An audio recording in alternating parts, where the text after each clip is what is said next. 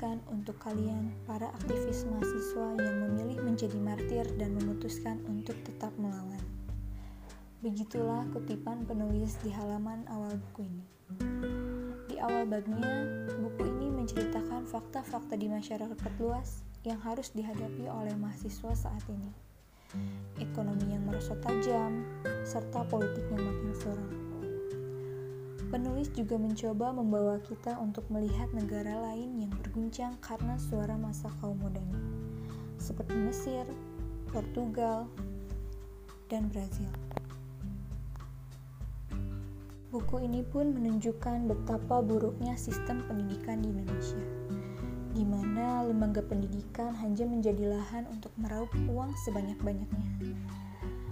Betapa banyaknya perguruan tinggi negeri di Indonesia yang menggunakan keterangan nama kampusnya untuk kekayaan sang penguasa kampus.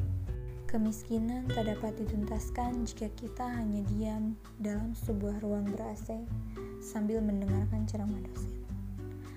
Perubahan akan terjadi melalui gerakan karena yang mereka butuhkan itu solusi, bukan teori. Yang mereka butuhkan itu bantuan, bukan hanya belas kasihan.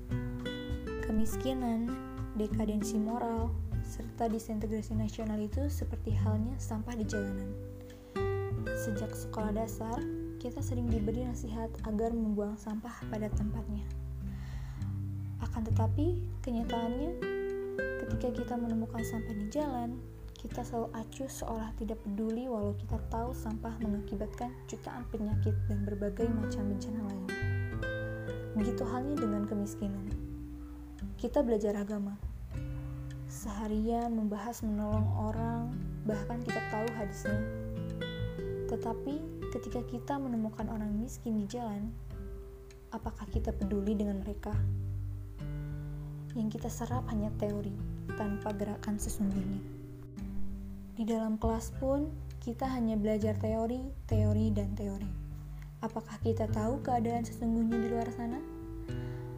Kita hanya merasa iba jika orang-orang tersebut ada di dalam media dan bercerita tentang kehidupannya. Tapi setelah itu, kita hanya kembali ke aktivitas kita seperti biasa, dan mereka tetap miskin. Catatan akhirnya, penulis kembali menjelaskan tentang pergerakan.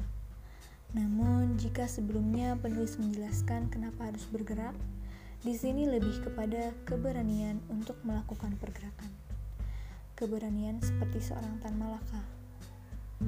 Ia selalu bercermin dari fakta dan peristiwa. Tan Malaka tak mau berpaling dari kontradiksi. Tan Malaka sudah mengalami banyak hal. Diburu, diasingkan, dan akhirnya mati di tangan serdadu ibu. Kelebihan dari buku ini yaitu dalam penyampaian pesannya tidak bertele-tele Buku ini pun menceritakan tokoh-tokoh serta peran di dalamnya. Kata-katanya mudah dimengerti masyarakat luas dan dapat menumbuhkan semangat bagi pembaca.